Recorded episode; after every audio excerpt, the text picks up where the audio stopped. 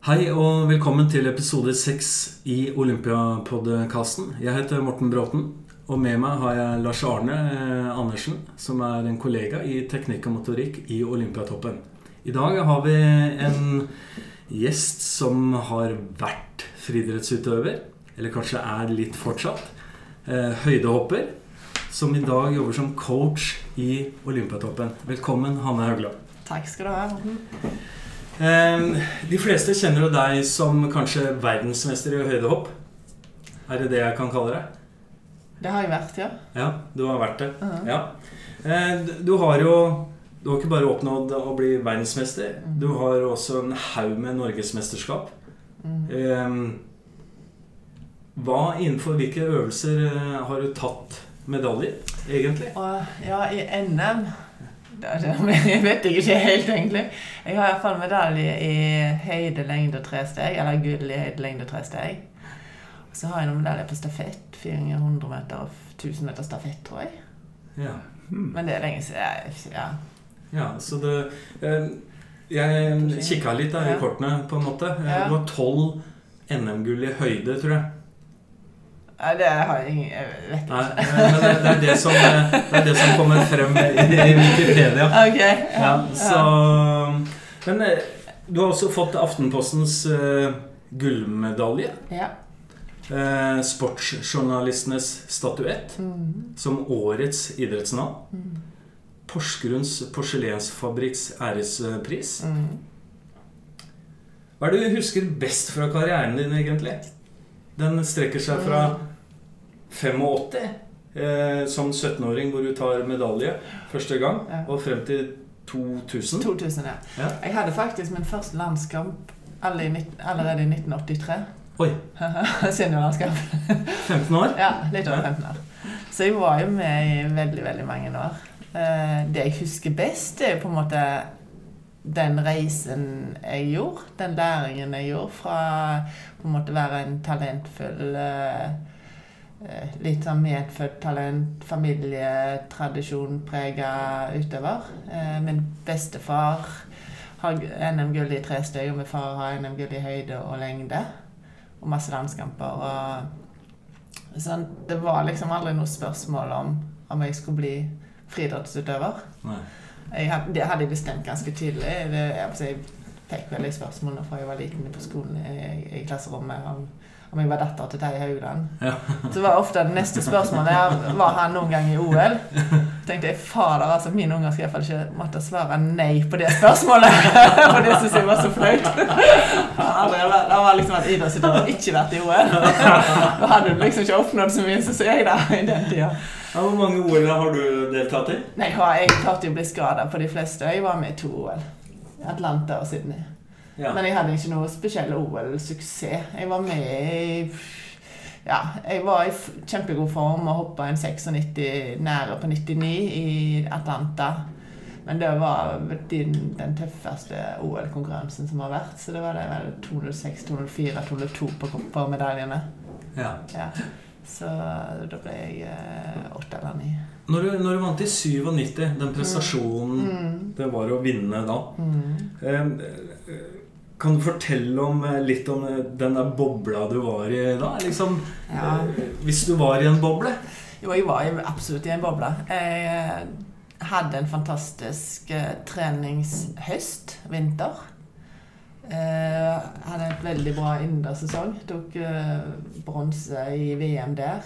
Da var det Steff Krakustad og verdensrekordholderen som vant. Jeg hoppet to meter. Eh, Jeg hoppet mange konkurranser opp mot to meter innendørs i februar-mars det året. Og så hadde jeg en ny, god treningsperiode.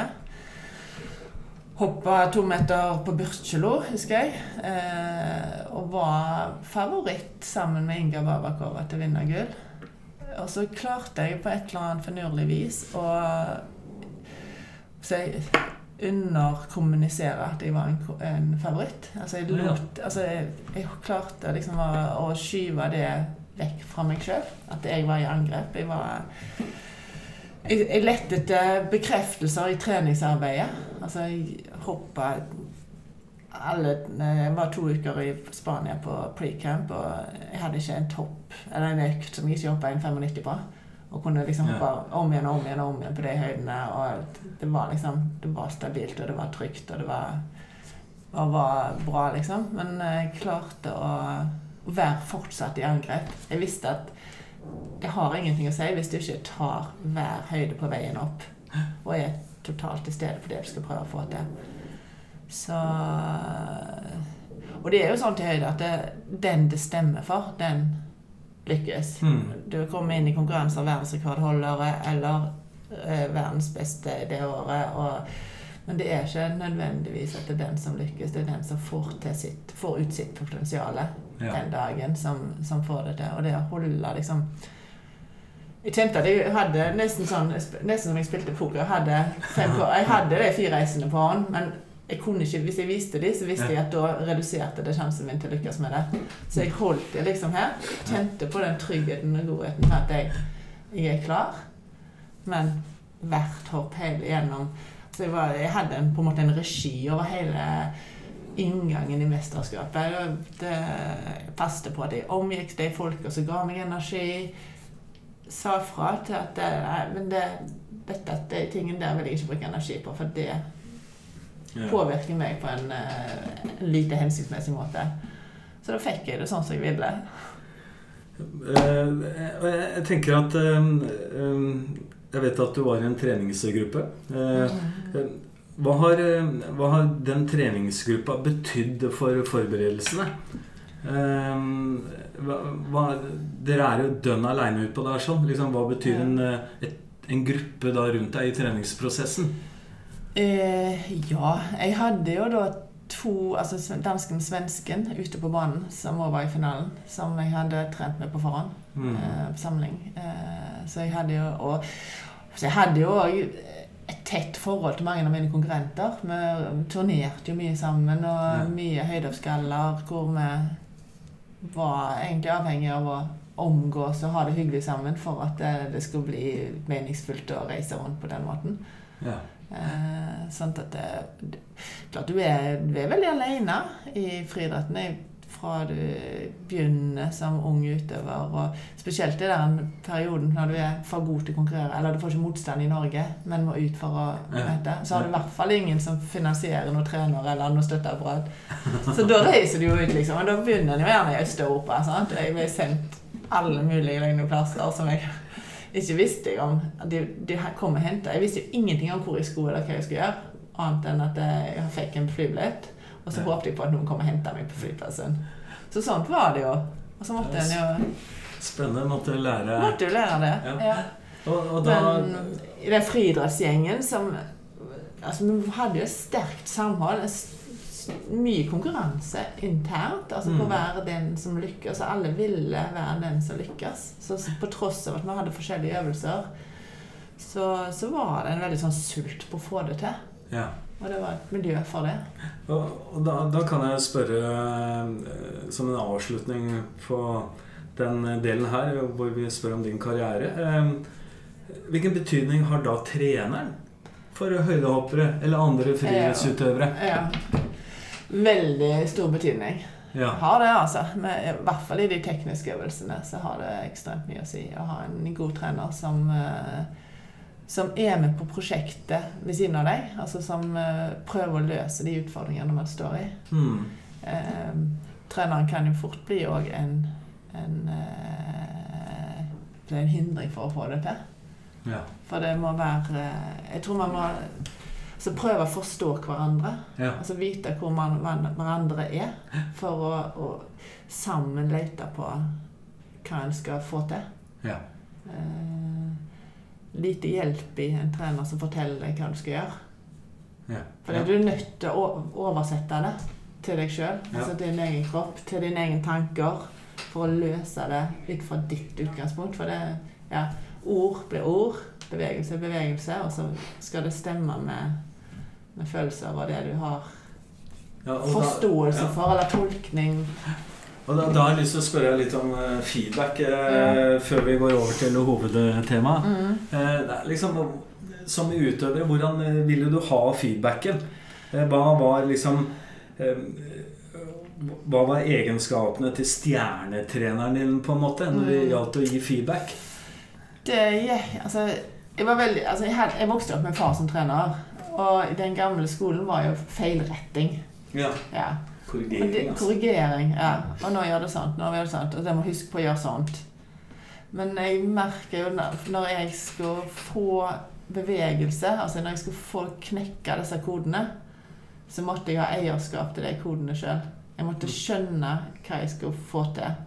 Og da var det sperring. Da var det diskusjon om liksom, hva er meldingen som gjør at jeg knekker den koden. Hvordan skal du si det, da? Hvis det var svingfoten, f.eks. For, for sein med svingfoten. Det er sånn typisk. Du kommer neste siste og så skal du ha akselerasjon inn i hoppet. Sant? Og er farten på svingfoten er ganske avgjørende. Det er mange måter å løse det på. Du kan løfte svingfoten. Mhm. Men det, da er du for seint ute i bevegelsen. Sånn, så det, og når jeg fant ut at da måtte jeg skyve fra nest siste, enda mer aktivt med tåa, liksom, Ja. rett over i Da løste jeg den. Og da måtte jeg bruke det bildet når jeg skulle løse den utfordringen. Og sånn var det liksom, Jeg måtte finne kodene for de problemene som dukka opp når de dukka Altså i forkant, da, sånn at jeg hadde øh, verktøyene i skrinet i forhold til Ok, nå skjedde det. Hvorfor skjedde det? Så må du liksom finne hva som er årsaken til at det skjedde, og så må en finne det verktøyet en kan bruke for å få til det. Og jeg, og jeg liker eh, når du sier at eh, du må oversette det sånn at det passer deg. Og Ja, det, det, liker jeg at du ja, sier. Og det tror jeg er altså Den eh, forståelsen både fra utøver og trener når de, når de får til det, mm. så har jeg har kommet så mye lenger. Ja. Det er, og det er ikke alle som klarer å finne få til det. Nei. Å være nysgjerrig på det. Hva er det som får til det? Ja. Eh, veldig mange trenere som er opptatt av å vise hvor flinke de er. Og du ser spesielt under mesterskap, hvis du ser på tresteg, nei, høyde- eller stavtrenere spesielt. De står og snakker og snakker og snakker. Og snakker. Ja. Og det er, du kan ikke få til noe nytt. Du kan ikke lære noe nytt. Og du skal bare ha det ene stikkordet som gjør at det, det treffer utøveren din. Ja. Det må du ha øvd på for forhånd, tror jeg. Men eh, du var jo eh, Fram til 2000 så var du aktiv, aktiv i høyde. Og så gikk det noen år, og så ble du coach her i Mm. Olympiatoppen. Vil du si litt om foranledningen for da å ende opp som coach her, eh, her oppe hos, hos oss? Ja, eh, jeg begynte jo som trener da, for eh, de beste høydeoppsgutta i Norge. Eh, de var en ungdomsgruppe i Bull. De, var ikke, de var sånn greie på sin alder da, og så fikk jeg de opp på senior, så de tok vel ja, gull og sølv og bronse i NM.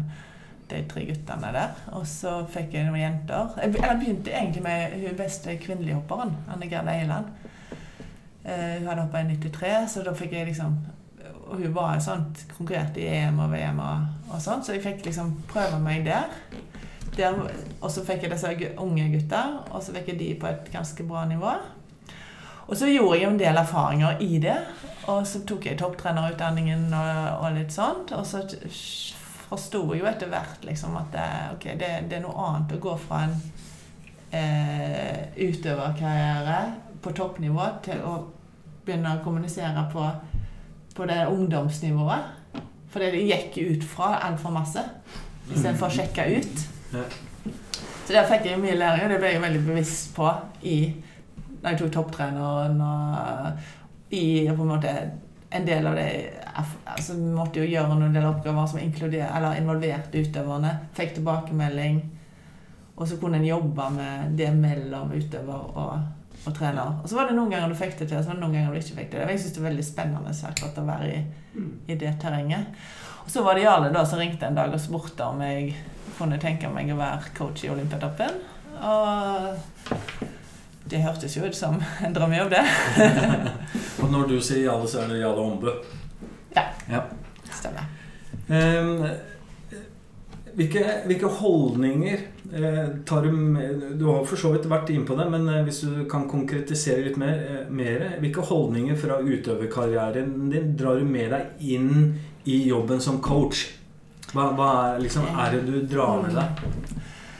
Jeg drar med meg eh, mye utøvers eierskap og ansvar for sin karriere. Det syns jeg er ekstremt viktig. Og, ansvarliggjør. Og, og at, ut, at trenerne skjønner at det er utøverne sitt prosjekt. mm. De skal være med å utvikle. Det ligger mitt hjerte ganske nært. Eh, forhold til trenerne altså Det å forstå den utøveren du har. Lete sammen med trenere. Jeg har jo da sperring med trenerne og Mm. og sånn. Og lete på hva er det den utøveren har behov for. Ja. Hvordan skal du få den utøveren til å ta det neste steget?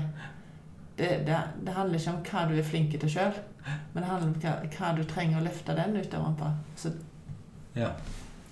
den, og, og jeg jobber jo mye Føler jeg i undring og nysgjerrighet. Mm. ja. Jeg, jeg liker meg litt mer i det landskapet enn i den påståelige Det er litt Altså, ja. Ja. Jeg føler ikke jeg har så mange svar, men jeg kan være med og undre sammen med. Mm. Ja. Det, Hvem er det du undrer sammen med nå? Hva idrett er det du jobber med nå? jeg jobber med seiling. Mhm. Så jobber jeg med friidrett. Så jobber jeg med bordtennis for funksjonshemmede. Og så jobber jeg noe med golf. Du sa at du sparra mye, men eh, kan du beskrive arbeidshverdagen? Kan du beskrive hva du gjør sammen med idrettene? Jeg vet at du Ja. reiser litt. Grann. Ja. Eh, det har Det går jo veldig mye på hvilke behov idretten har, Ja. som, som styrer mye av det jeg gjør. Men eh, legger jo til rette for en del eh, tverrfaglige prosjekter rundt de utøverne vi har. Eh, nå eh, Ja, eh, altså Året er jo sånn at det, liksom, i denne fasen her, på høst etter sesong, så er det evalueringsprosesser, og så er det sperring på hva har vært, og så er det planleggingsprosesser på hva kommer til å komme. Ja. Hva skal vi ha fokus på fremover nå? Og så få teamet av fagfolk i Olympiatoppen til å virke sammen med trenerne i særforbundet og utøverne. Ja. Eh, Sånn at vi kan hjelpe til å forløse det potensialet som de har. Eh, Jobber du sammen med andre coacher? Jobber du sammen med eh, fagavdelingen i Olympiatoppen? Jeg gjør det, ja. ja. Og i friidrett så har jeg eh, Dag Kaas med meg som eh, på en måte som en sidecoach. Ja. Han har mer sparring på utholdenhetsbiten av Altså utholdenhetstrenerne i friidrett. Ja. Ehm, og så er jo Marit Breivik ganske tett på, som Ja. leder for oss sommeridrettscoacher. Ja. Så har vi en del medcoaching. Eh, Du står i dilemmaer, står i problem, eller ting som du ikke er 100 sikker på. Hva er den beste løsningen her? Liksom, har jeg, ser jeg alle sidene av det? Mm. Og da tar jeg gjerne og huker tak i om den trener, eller andre coacher som jeg tenker kan ha innspill på det. Ja. Så har vi noen fagansvarlige i forhold til coaching. Kalle Hageskog Ja. og Liv Hemmestad, som jeg Ja. bruker til en del sperring. Ja. Som, jeg, som ser det på et, mer overordna coachnivå. Altså, så jeg føler jeg har mange gode sparringspartnere. Og selvfølgelig da med fag. Altså Mm. når det blir ting på fag. Og fag i Olympiatoppen de er jo tettere på utøverne. Du ser mye av det som faktisk skjer Mm. i treningshverdagen. De ser Jeg får ofte en litt sminka versjon inn på møterommet. Ja. Mens dere ser jo enda mer hvordan han reagerer når han ikke får til ting. Sant? Eller hva er frustrasjonene nå? De Mm. tingene der. man- Det å være Jeg kjenner jo stor forskjell på at hvis jeg har Hvis jeg hadde sittet hjemme Jeg kunne jo, kunne jo gjort mye av jobben min hvis jeg ikke har møter med idretten hjemme, men Ja. akkurat de der uformelle samtalene ved kaffemaskinen eller huke tak i hverandre, gå inn på et lite møterom, få plukket opp de småtingene, det er ekstremt nyttig, syns jeg. Når du jobber med Vi kan jo ta friidrett som et eksempel, nå, for Ja. nå går det jo veldig bra eh, resultatmessig. Men det, jo, det går jo opp og ned. Hvordan er det å være coach for idretter i motgang og medgang? Er det, Ja. er det det samme du gjør, eller er det, skjer det endring i måten du coacher på? Altså, det skjer jo alltid noe i den måten jeg coacher. Ja, ja. Eh, det er klart at det har jo vært en ganske krevende år opp i fri, mot friidretten, da. Eh, Fram til det egentlig løsna nå i fjor. Eh, jeg vil jo si at det, det har vært krevende å få den idretten til å jobbe sammen. Altså mot felles mål. Og vi har jo hatt en sportssjef nå som har vært veldig tett på de beste. Og når man er tett på, så skjer det ting. Men du kan ikke være tett på veldig mange. Nei. Så i forhold til å få, få opp liksom neste generasjon og sånt nå, så er det jo krevende å ha, være i de lederrollene i idretten, tror jeg. Eh, men, men det er klart at altså både for, særforbund og Olympiatoppen lykkes best når vi er tett på. Er det, det, den bakgrunnen som sportssjefen i Friidrettsforbundet har, eh, kommer fra en annen kultur. Har det vært avgjørende på mange måter, eller hvordan ser du Jeg tror det er veldig bra å få inn eh, en fra en prestasjonskultur i Ja. en eh, organisasjon. Det er veldig krevende for den som kommer med den kulturen. Og, og, og kan sannsynligvis ikke ta ansvar for alt. Eh, Men det å ha en sånn type bakgrunn der du hele tiden jobber med forbedringer Ja. I alle ledd, i Ja. sparing med trenerne og utøverne. Og, og lete på de der Noen ganger så er det jo sm veldig små ting, men det å være oppmerksom på det og, og være tydelig på det så, Men eh, du nevnte alle eh, Eller flere, eller alle jobber mot det samme målet, sier du. ja, ja. Er det Har det vært liksom, Hvordan har man fått til det? Jeg, altså, det går vel litt på, på hvordan vi snakker. Alle er jo Dette gjelder ikke alle, Nei, men nei. de beste. Ja. De beste eh, bruker ikke så mye energi lenger på å fortelle hvor stor idretten vår er. Nei. De bruker mer energi på hvordan de skal bli best mulig og nå toppen i den idretten. For de har jo tross alt gjort et valg. Ja. Ja. Det nytter ikke å komme etterpå og si at den, idretten er for stor og det er for vanskelig. Du har jo faktisk gjort det. Du gjør det jo fordi at du syns den idretten er Mm. utrolig fin å være i. Um, så det, Og det er den største kulturforskjellen, syns jeg, nå. Ja. Fra før. At eh, du hører mindre av de forklaringene på hvorfor det skal være så vanskelig. Du hører mer om hva de skal gjøre for å få det til. Ja. Jeg får mye flere henvendelser og ønsker å få sperring på det. ønsker å få sperring på det. Nå er det VM i september-oktober. Hvordan skal vi legge periodiseringen i forhold til hvem Er det noen hos dere som Ja, da lager vi en liten workshop på det. sant? Du, Nysgjerrighet. ja. Du har jo erfaring nå, eh, en del år i, i den coachrollen. Mm. Eh, Du har jobbet med flere forskjellige idretter, flere forskjellige utøvere. Eh, Hva, hva kan eh, de andre idrettene lære av friidrett der hvor de er i dag? Hva, hva, hva ser du liksom det positive, den forskningen Mm. de er i, liksom har rundt seg? Den største forskjellen er jo at de, de beste har en kompromissløs satsing. Ja. Ja, det er ikke noe det, Hvis tre, kreves det åtte timer, så kreves det åtte timer. Kreves det hele døgnet, kreves det 200 reisedøgn og mesteparten i eh, høyden Kreves det å bo alene i Kenya, yeah. så gjør de det. Yeah. Det er jo den styrken Altså, det, det er ikke noe Det er ikke noe sånn nice to have lenger. Det er need to have. Ja. Jeg synes. Eh, Men hvilken vei Man sier at skal du bli verdens beste som utøver. Det Mhm. veldig eh, Det du sier litt om nå, det er holdninger, attityden til, på utøvernivå. Ja. Eh, Men skal du bli verdens beste, så må du på en måte ha verdens beste støtteapparat. Hva er det som kjennetegner det i dag? Du har jo de trenerne, da. Ja. Du har de trenerne i, i Gjert Ingebrigtsen, Leif Olav Alnes Mm. spesielt, um, som eh, vet hva som kreves. Altså Når utøverne har satt seg det målet, så må vi putte inn det som kreves. Og helst litt til, sånn at vi har en margin på det. Ja. Ehm, Så har du noen som ikke har egentlig en sånn personlig trener, men som har mye av den driven. Sondre Nostamoen, f.eks. er sånn som Han har en italiensk trener, en, en eksperttrener. Mm. Men han er jo mye mer sårbar når det ikke går på skinner. Ja. Så han, han, da må han lede prosjektet sitt enda, i enda større grad. Men han leder det prosjektet. Ja. men det er nok det det å ha trenere som vet hva som skal til, og er villig til å legge ned det som skal til sjøl òg. Ja. Være sammen med, med utøveren i det målet.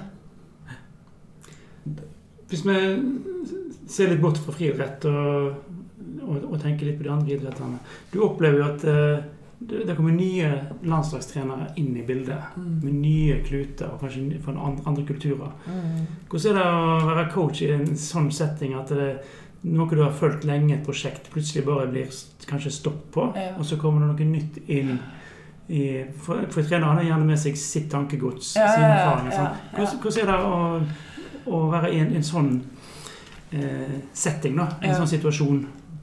Det- Egentlig så er det ganske spennende. Fordi at du må Eh, I den ene idretten min, da, så har det jo vært sånt. Eh, og, og vi gikk jo egentlig første samling på en full krasj. Altså, Mm. For det, han kommer da med en, en kultur, og så har utøverne en helt annen kultur. Og så heldigvis så var jeg der. Og kunne på en måte kalibrere litt inn mot både utøvere og trenere. Eh, og, og, og leder, da. Sånn at vi, kunne begynne å snakke samme språk. I og med at en har den samme drømmen. En har det samme målet. Hvis målet er å bli best i verden, så må du jobbe gjennom de utøverne du har, i den kulturen du er. Og så må du ta det beste med deg fra den erfaringen du har, og den kulturen du har. Og det er jo egentlig ganske spennende. Det mener, når en kan jobbe med en, en, en kultur altså, For da måtte vi jo sette en kultur. Vi måtte bli enige om hvordan, hva skal prege vår kultur i dette laget. Så ser jeg nå når det byttes det ut trenere og sånt etter hvert i dette laget, men nå har vi en veldig sånn tydelig strategi på hvordan det skal være på, være på dette laget. Og så må vi, har vi noe å styre mot. Sånn, når, når ting skjærer seg, når ryggmargsrefleksen, de gamle mønstrene, dukker opp igjen, som de jo gjør hos oss alle, så, så har en blitt enige om ja, men det er ikke sånn vi gjør det. Vi må gå inn på det som vi har bestemt oss for. Vi skal skape noe sammen. Da må vi ha respekt. Da må vi ha disse tillit i bånn. Det, er de tingene som må være der for å få, få utvikla folk, da. Det er ganske Ut fra hensiktsmessighet, egentlig, i forhold til prosjekt og målet. ja. Nei, for det jeg tenker er jo at da er jo faktisk tidvis den rollen som coach ganske viktig for å få en sånn kontinuitet i Ja. sånne overganger. Ja. Og det er, Det er du er jo stilig, ekstremt avhengig av å få tillit hos den du skal Ja. coache. da. Og det er noen ganger så treffer jo den ganske godt, fordi at du vet altså, du- Du får tidlig en opplevelse av at den andre forstår at du er der for å hjelpe. Mm. Mens andre ganger så er, for, er den personen mer at den kan være redd for å, å avsløre feil og vil være i forsvar, eller at du er en kritiker som dette går utover eh, økonomisk støtte eller fagbidrag i idretten. Sånn at du har du får veldig forskjellige arbeidsvilkår ut fra hvilken tillit du klarer å oppnå, og forståelse for rollen. Sånn tror jeg, Morten, at vi kanskje i fag av og til opplever når det er endringer. At vi Ja. jeg må litt tid for å få tillit til, med nye folk. Og, Ja. og, så det er jo veldig spennende, men òg utfordrende. Det er spennende. det, ja. Eh, ja, eh, utfordring Litt over til sånn utviklingsarena. Eh, Vår beste utviklingsarena som fra fag da, sin side, teknikk og motorikk, det er sammen med utøverne. Så kan jeg spørre deg, liksom, hva er din utviklingsarena som coach? Ja. Jeg opplever at jeg får ekstremt mye igjen for eh, de samtalene, spesielt med, med noen Så i casene og jobbing rundt casene, utfordringene, eh, samtalene Mm. Det er ingen Altså, du kommer alltid ett steg. Du blir litt klokere. Ja, ja, ja. Sakte, men sikkert tar det sin tid. Men Eh, og det er jo klart noen har større innflytelse på deg for andre. Det kan være, altså Noen ganger så er det en utøver som sier noe som du Og du kommer i en samtale der som du virkelig kjenner at Mm. Oi, nå får jeg et større forståelse for hva den står i, eller utøverne står i, eller dynamikken utover trener, eller utover landslagsapparat, OLT. Så det er jo Jeg syns jo vi har arenaer for utvikling rundt hvert hjørne, egentlig, her oppe på Olympiatoppen. Eh, Hva, eh, litt over til eh, EM. Ja. De prestasjonene som var der. mm. Tør du å si hva som rørte deg mest? Uten å gjøre forskjellsbehandling. Jeg sitter egentlig og koser meg veldig med mye. Um, kanskje ikke noe av det som rørte meg mest Eh, Jeg, jeg syns det var utrolig gøy å se Eivind Henriksen. Som har eh, på en måte Han var 13 i, i London-OL. Ja, hva er det han uh... Han kaster slegge. Um, har slitt med skader og ikke vært innafor laget. Og liksom fighta seg tilbake i, i toppen. Og, Det er morsomt. ja, og var liksom med å prege finalen. Persa altså, norsk rekord der to ganger, vel. Og ja, virkelig har tatt et stort steg i år.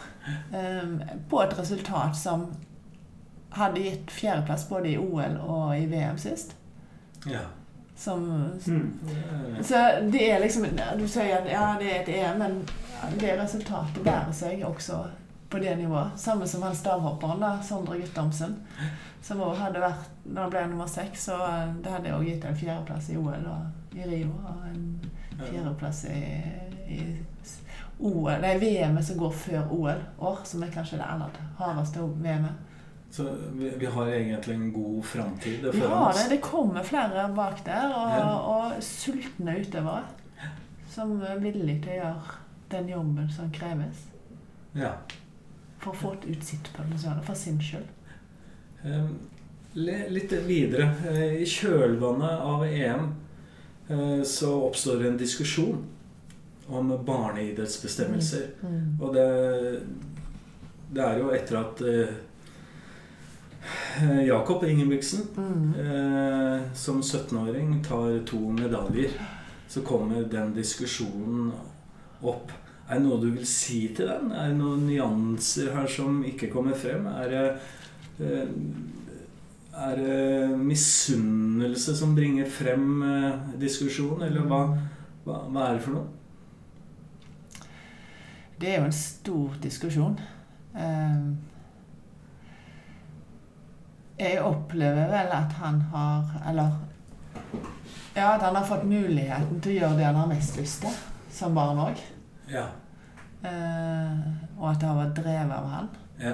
Han har hatt to større eldre brødre som har spurta rundt på den banen. Og du ser jo sammen med lillesøstera, som har bare har lyst til å springe fort. Har bare lyst til å være med på trening. Det er det kjekkeste du vet. ja. Og krevende å stoppe det. Lysten til å holde på med det du syns er gøy.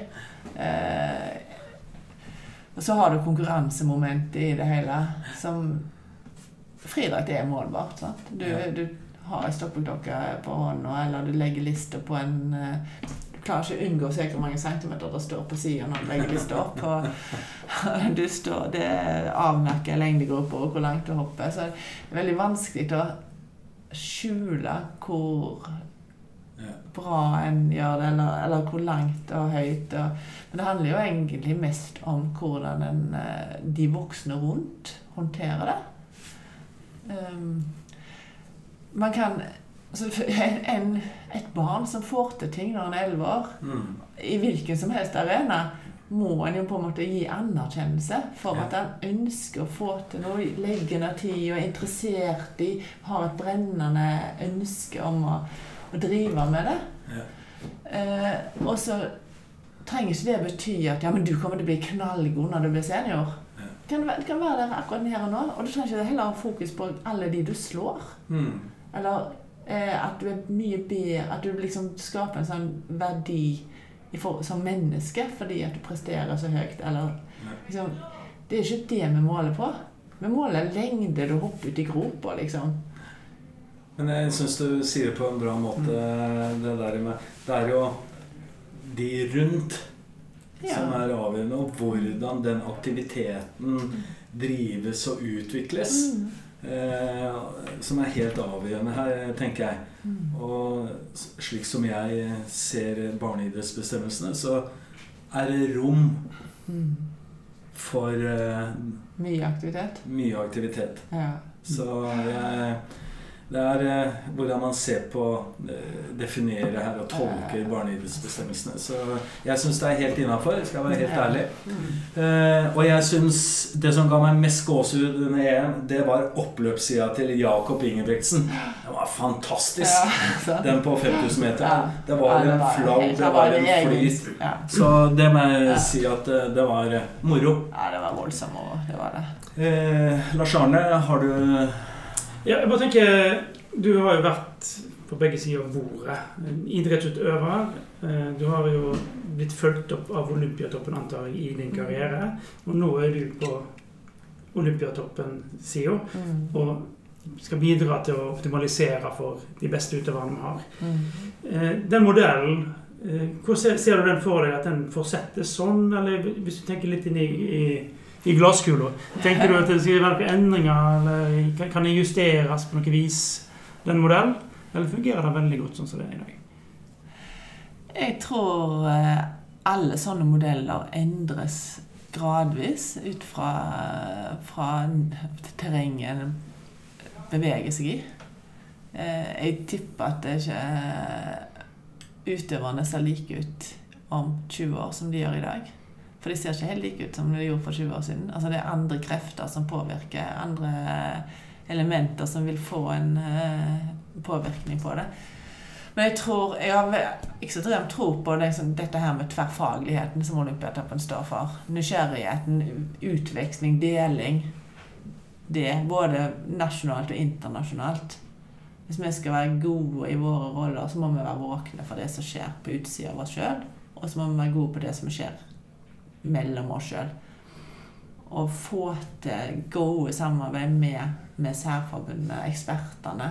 Hele tida se så hver idrett er jo langt framme på sine områder, og det er garantert noen broer som kan bygges mellom de forskjellige idrettene, som eh, ikke alltid klarer å plukke opp.